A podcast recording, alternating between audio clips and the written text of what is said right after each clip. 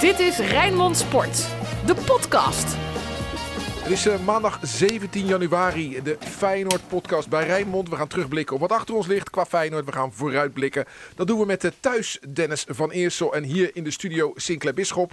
Met taart, want jij bent jarig, Ruud. Ja, ja, ja, ja, dankjewel, dankjewel, Dennis, moeten wij even zingen? Nou, nou, Even nou. zingen? Nou, nou, nou. Ja, maar als we, nog luister, als we nog luisteraars willen overhouden, is dat misschien niet zo verstandig. En als je, als je dan wilt, wat wil zingen in de Feyenoord-podcast, zing dan het Feyenoord, eh, het Feyenoord-lied. Maar eh, laten we het gaan hebben over wat achter ons ligt. Laten we daarmee beginnen. Even een kort statement, Sinclair. Feyenoord-Vitesse 0-1. Een te verwachten opening of ben je zwaar teleurgesteld? Nou, zwaar teleurgesteld. Je had juist het idee, eh, met de wedstrijden die ook komen gaan, dat Feyenoord deze wedstrijd zou aangrijpen om echt aan te haken. Weet, niet wetende wat eh, Ajax en PSV een dag later zouden doen. Maar eh, ja, na deze wedstrijd moeten we toch echt de conclusie trekken dat Feyenoord voorlopig niet naar boven moet kijken. Maar naar die ploegen die op een gegeven moment nu Feyenoord in het vizier hebben. Vitesse en AZ. En jij, Dennis? Ja, dat is de, dat is de harde waarheid. Hè? Die, ehm, die ploegen, die concurrenten, die de laatste jaren al meer concurrenten van, eh, van Feyenoord zijn dan Ajax en PSV zijn. Nou, die staan nu weer dichterbij dan, eh, dan die twee andere topteams. Het is een, eh, een harde realiteit, zo aan het begin van het nieuwe voetbaljaar. Rood, wit, bloed, zweet. Geen woorden maar daden. Alles over Feyenoord. Alles over Feyenoord. We gaan dus niet alleen de wedstrijd bespreken, maar ook de komende wedstrijd. Komende zondag is dat om kwart over twaalf. Is dat de NEC Feyenoord. En natuurlijk al die transfergeruchten en nieuwe spelers die zijn gekomen. Dus eh, er is genoeg te bespreken over Feyenoord. Laten we beginnen, Sinclair, met afgelopen zaterdag. Geen Toornstra, geen Senesi. Een hoop paniek buiten Feyenoord dan. Maar die van Senesi, die reservebeurt, die was te verklaren. Ja, want hij heeft eh, corona gehad, gaf eh, Slot ook eh, aan. eh, en dus ook maar weinig kunnen trainen. Ik moet zeggen, eh Geertruida verving hem eigenlijk ook wel met verven. Ja, en Toornstra was eigenlijk voor de winterstop wel zijn basisplaats kwijt. Werd er wel weer eh, teruggegrepen op buitenspeler eh Jaan Baks. Ja, die heeft het weer niet kunnen bewijzen. Wat dat betreft zullen we het straks over hebben. Is het denk ik voor Slot een zegen dat hij een, een versterking heeft op die positie straks met Waljemark. Want ja, Jaan Baks, dat blijft toch maar tobben. Ja, Dennis, dat, dat, we zouden het graag anders zien. Maar een, een aanvaller die maar één keer scoort in de wedstrijden die hij tot nu toe speelde. Jaan Baks voldoet tot nu toe gewoon niet. Zo eerlijk moeten we zijn. Nee, dat is gewoon een veel te laag rendement. Hè. En ook de hoeveelheid assists valt nog tegen. Dus ehm, ja, dat, dat is gewoon niet goed genoeg. En ja, hij heeft echt wel op andere vlakken heeft hij, heeft hij ook zijn waarde voor Feyenoord wel gehad. Maar eh, eh, ja, kom op, je speelt niet, eh, je speelt niet ergens in in de subtop of onderkant subtop. Dit is bij Feyenoord en daar ligt de lat op een plek dat als je inderdaad maar, maar één goal maakt. En ja, er zijn er twee afgekeurd, maar waren het er wel drie geweest, had ik het nog steeds te weinig gevonden. Zeker als je weet wat hij in, in potentie eventueel zou kunnen. Ja, dan is dat gewoon nog eh, veel en veel, eh, veel te weinig. Maar wat is het? Is het dan toch, hè? we hadden het aan het begin van het seizoen erover. Hij komt van Brighton, heeft weinig gespeeld. Dan zal hij wel tijd nodig hebben om erin te komen. Nou, met die, met die wedstrijden in Europa, eh, in de Conference League begon het goed. Hè? Het, begin was hoopvol. Maar hebben we dan uiteindelijk met terugwerkende kracht toch gelijk gekregen? Dat hij te lang heeft stilgestaan? Nou ja, dat, dat was in het begin was dat zeker een verhaal. Ik vind dat dat, dat dat nu eigenlijk niet meer opgaat. Ik heb ook niet het gevoel bij hem dat het aan, aan een gebrek aan fitheid of gebrek aan wedstrijdritme te maken heeft. Als ik ernaar kijk, als ik hem zie spelen, dan bekruipt mij eerder het gevoel van ja, dit is ook een, een man die, die zo graag wil dat hij af en toe volgens mij wat, wat geforceerd bijna op zoek lijkt te zijn naar dat doelpunt, naar die beslissende assist. Hè. Er, was, er was één actie in die wedstrijd tegen Vitesse. Eh, toen stond hij bijna stil voordat hij zijn actie ging, ging maken. En toen wist je al wat hij uiteindelijk zou gaan doen. Hè? Een soort overstap en dan, dan links om zijn tegenstander. En ja, die tegenstander had het ook door. Hij leidt balverlies, bleef daarna liggen alsof hij geblesseerd was. En er kwam een gevaarlijke counter uit. Het was zo getelefoneerd en zo geforceerd bijna om het dan, dan zelf te doen. Om zelf de actie te maken en er langs te gaan. Om zich te laten zien, om zich te bewijzen. Ja, en als je het gaat forceren, dan eh, ja, is, zie je meestal in, in de sportwereld dat het dan juist alleen maar nog moeilijker wordt eh, om, om over zo'n punt heen te komen. En op de andere vleugel, Sinclair, Reece Nelson, dat was ook geen feest. Nee, en zo zie je hoe eh, belangrijk Sinistera wel niet is. Hè. Die werd echt nodig gemist, ook voor de creativiteit. Daar ontbreekt het toch in dit soort wedstrijden aan om dan toch een wedstrijd open te breken.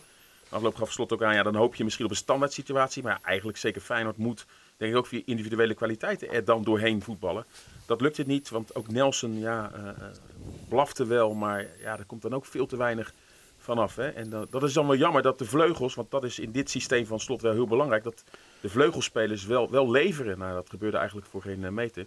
Ja, dan, dan ben je eh, gefocust op bijvoorbeeld een Til eh, vanuit het middenveld. Ja, dat, dat, ze Kukju, Til. Dat ja, daar kwam eigenlijk veel, veel te weinig vanaf. Standaard situaties die niet optimaal werden uitgevoerd.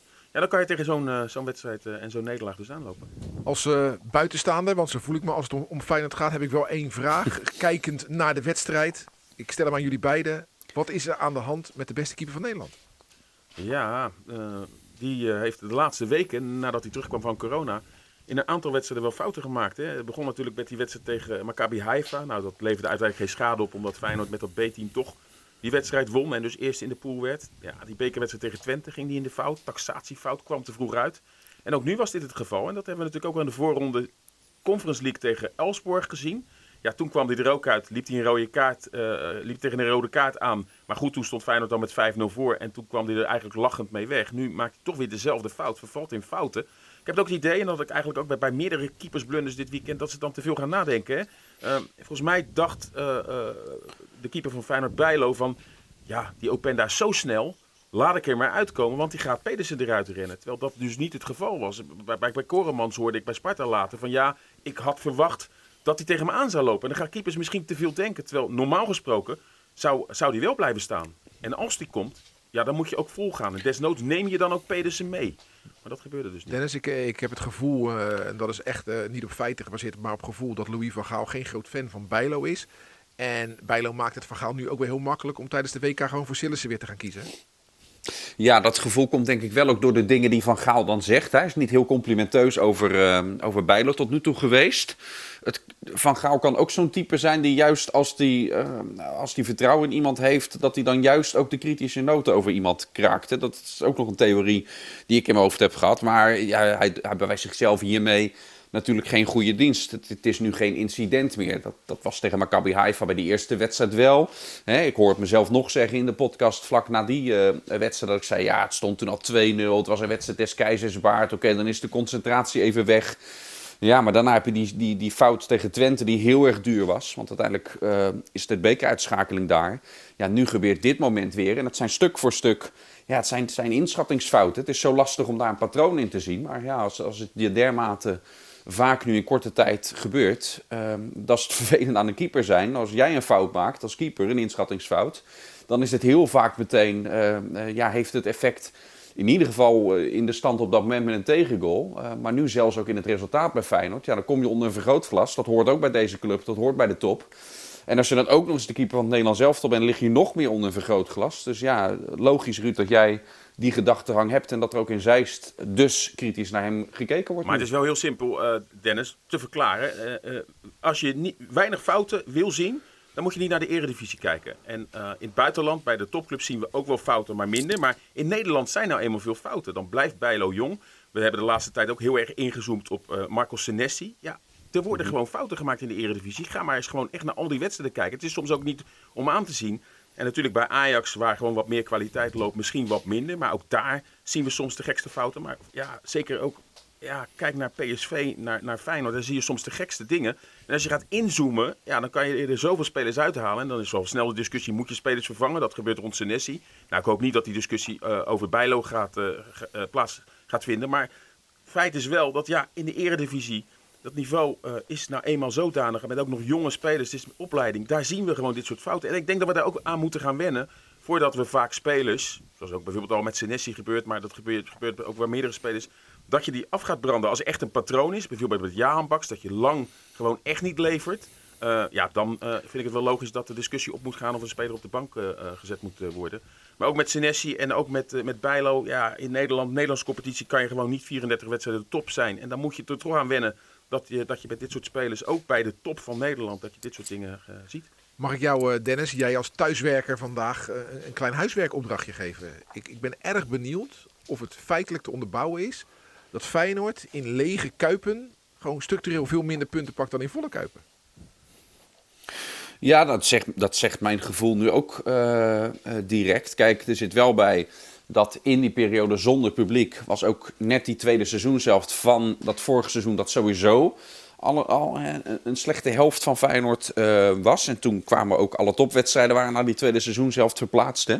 Dus dat zal er misschien extra op drukken dat het ook wel de grotere wedstrijden waren uh, die Feyenoord uh, toen, toen had. Maar ja, mijn gevoel gaat daar meteen in mee dat Feyenoord volgens mij echt veel minder punten pakt in een lege kuip ten opzichte van, eh, van toen hij nog vol was de laatste, de laatste jaren. Kijken jullie dan ook toch een beetje, kijkend naar Vitesse, jaloers naar zo'n Lois Open, Openda? Nou ja, iedereen heeft het over Bazoer, iedereen had het over Tanane. Maar vorig jaar vond ik al dat, dat, dat je dan eh, deze Openda tekort doet.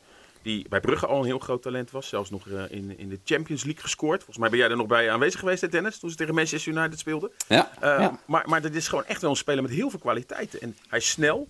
Hij kan op zich nog redelijk koppen. Scoort makkelijk. En uh, ja, dan is het leuk om naar Bazoer te kijken en eerder Tanane. Maar ik vind dit eigenlijk ook wel een, een exponent van het goede Vitesse.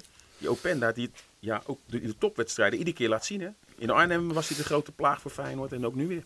Ja, de naam Bas... Nou moet ik wel zeggen, in die wedstrijden speelde Vitesse uh, natuurlijk echt wel ook op de, op de tegenaanval. Op loeren, op snelheid, behalve de verdediging leggen. Dat deden ze nu in de Kuip ook. Dat ligt Openda met zijn snelheid natuurlijk heel erg. Ik, ik ben wel benieuwd. Ik vind het te makkelijk om te zeggen... Hey, stel Feyenoord had Openda nu aan die andere kant links gehad... dan was Feyenoord beter voor de dag gekomen. Want ik weet niet of hij dan, of hij ook de man is met een creatieve actie om tegen een blok van vijf verdedigers. Dat, dat zie ik hem nou ook weer niet zo vaak doen. Hij is heel gevaarlijk met zijn snelheid. Het is een goede afmaker. Maar echt een actie om een tegenstander die een muur optrekt te doorbreken. Weet ik niet of hij daar dan de man voor is. En, en dat is wel waar Feyenoord veel vaker mee te maken heeft dan Vitesse. De Feyenoorder van de week. Gaan we het daar nog over hebben? Kunnen we dat even kort doen? Of zeg je nee hoor, er was toch wel iemand zaterdagavond waarvan ik denk, nou die deed het goed. Ja, er zijn wel een paar spelers die, die, die, die hun niveau haalden. Maar ja, eigenlijk overal viel gewoon heel erg op dat, dat de energie ontbrak. Uh, waar je juist waar Feyenoord om geroemd werd, het, het, druk zetten. En als je dan, uh, ja, ja, welke speler kan je dan echt nog een, een pluim geven? Ja, ja, dat hoeft niet. Als hij er niet is, dan... Uh...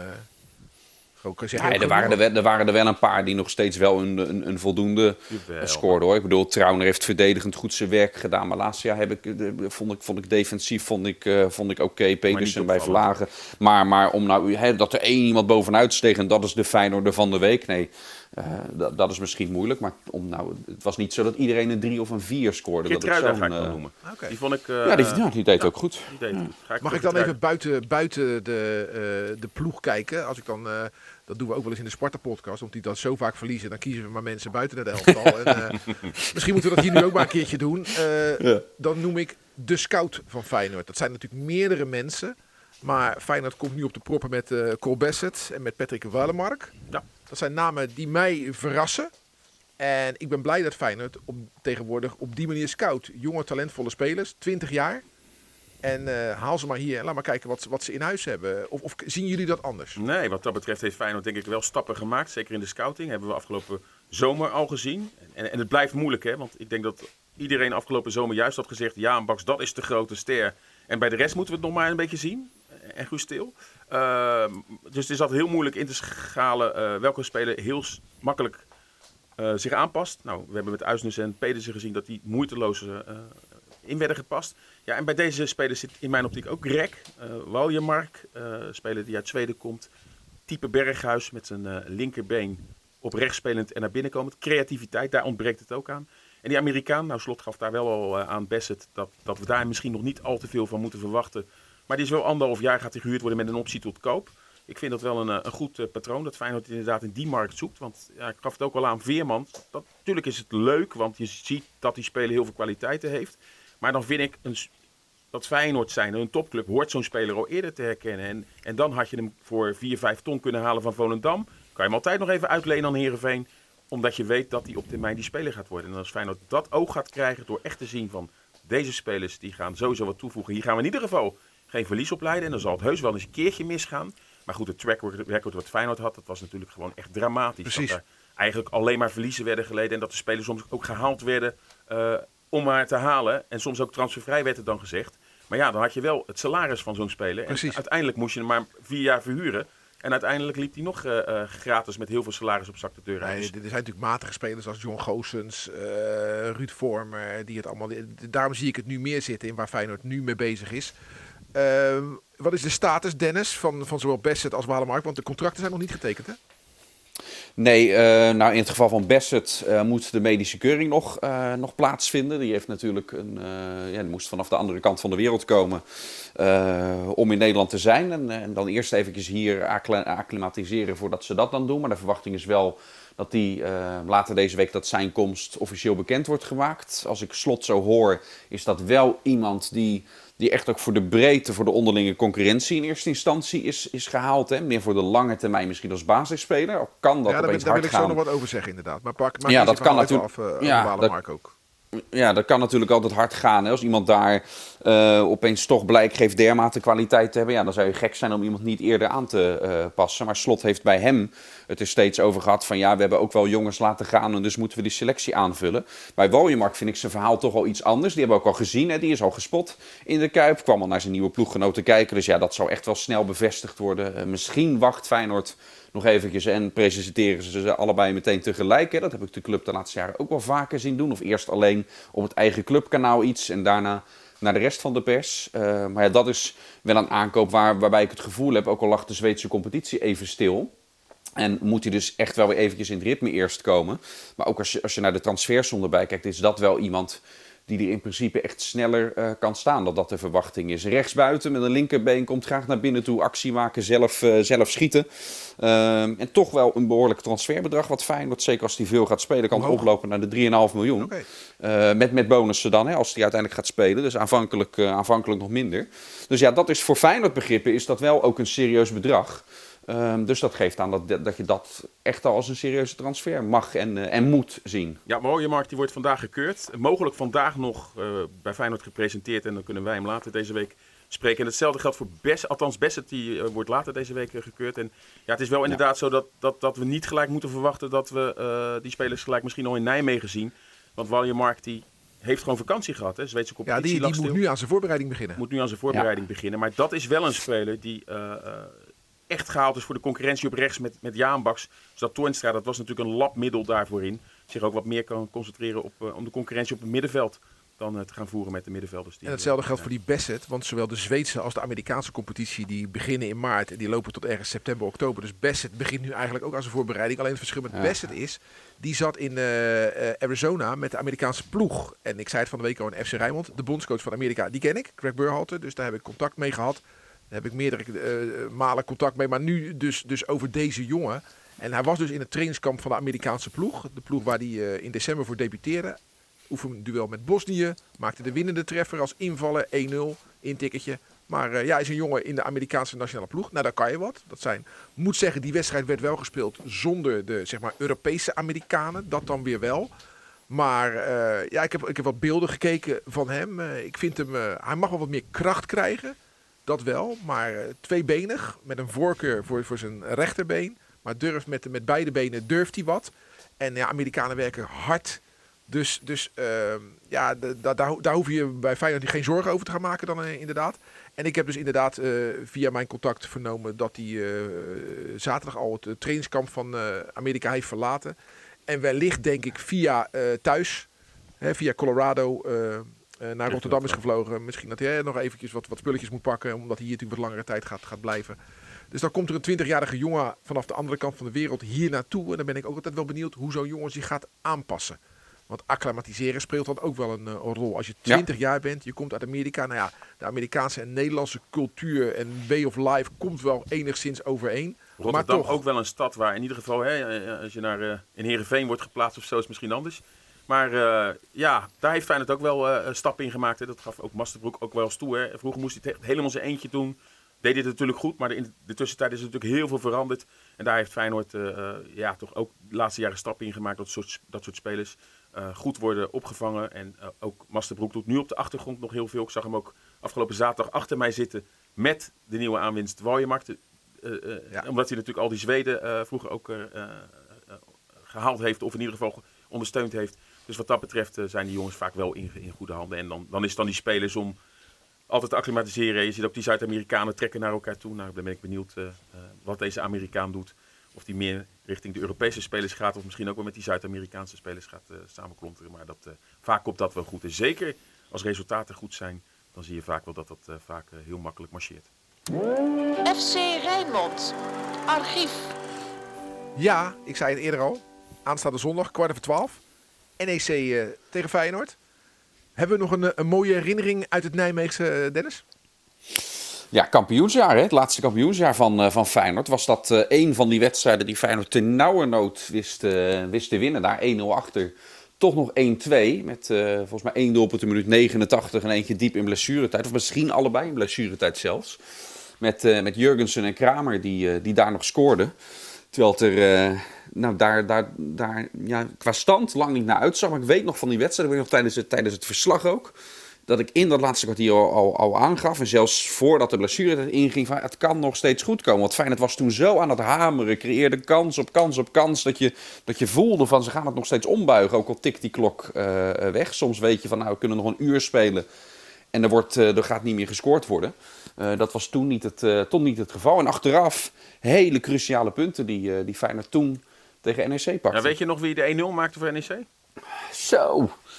Dat is een goede van je. Sinclair weet dat, vraagt hij. Ik zie je dan Ja, Sinclair, ik, wil ook nee, maar ik wilde deze wedstrijd ook noemen. Maar uh, uh, Mohamed Rahi maakte 1-0. Ah, de ja. voormalig ja, aanvaller van Sparta. Ja.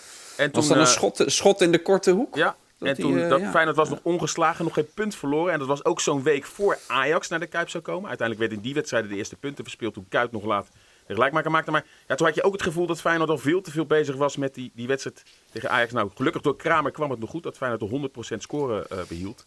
En uh, ja, ik wilde ook voor die wedstrijd gaan. Ik weet ook nog in, volgens mij 2012, een bekerwedstrijd. Dat Feyenoord daar 2-2 speelde en uiteindelijk via strafschoppen doorging. Uh, ja, Feyenoord heeft het daar wel vaak ook lastig gehad. Hè? Nog een wedstrijd te herinneren, ook voor de winterstop. En een 3-1 nederlaag daar in die serie onder Van Bronckhorst met die, met die zeven begonnen daar. Um, dus Feyenoord heeft het ook wel gewoon lastig. En als we kijken naar die eerste wedstrijd in de Kuip, heeft NEC ook aange, aangetoond dat het Feyenoord echt lastig kan maken. Leek niets aan de hand. Feyenoord 2-0 voor. Op een gegeven moment 2-3 achter. En pas in de slotminuten wist Feyenoord nog uh, het om te draaien via Til en Dessus. 5-3 winst. Dus ja, iedereen heeft het nu over een Feyenoord makkelijk programma. Maar ja, het is wel een cruciaal hoor. Want anders moet je echt uh, op gaan passen op Vitesse en AZ. Als je deze wedstrijd weer gaat winnen met het programma van de komende weken... zou je zeggen dat, dat Feyenoord in ieder geval op die derde plaats moet blijven. Hè, met, met wedstrijden tegen Cambuur. Ja, Ruud, thuis tegen jou Sparta. RKC uit. Ja, ik heb er wel vertrouwen in, zeker als daar ook het nieuwe aanwinsten komen en Feyenoord het niveau wel weer gaat halen. Want het is toch een beetje een opstartprobleem lijkt mij, dat, dat Feyenoord toch wel gewoon op deze positie in ieder geval gaat eindigen.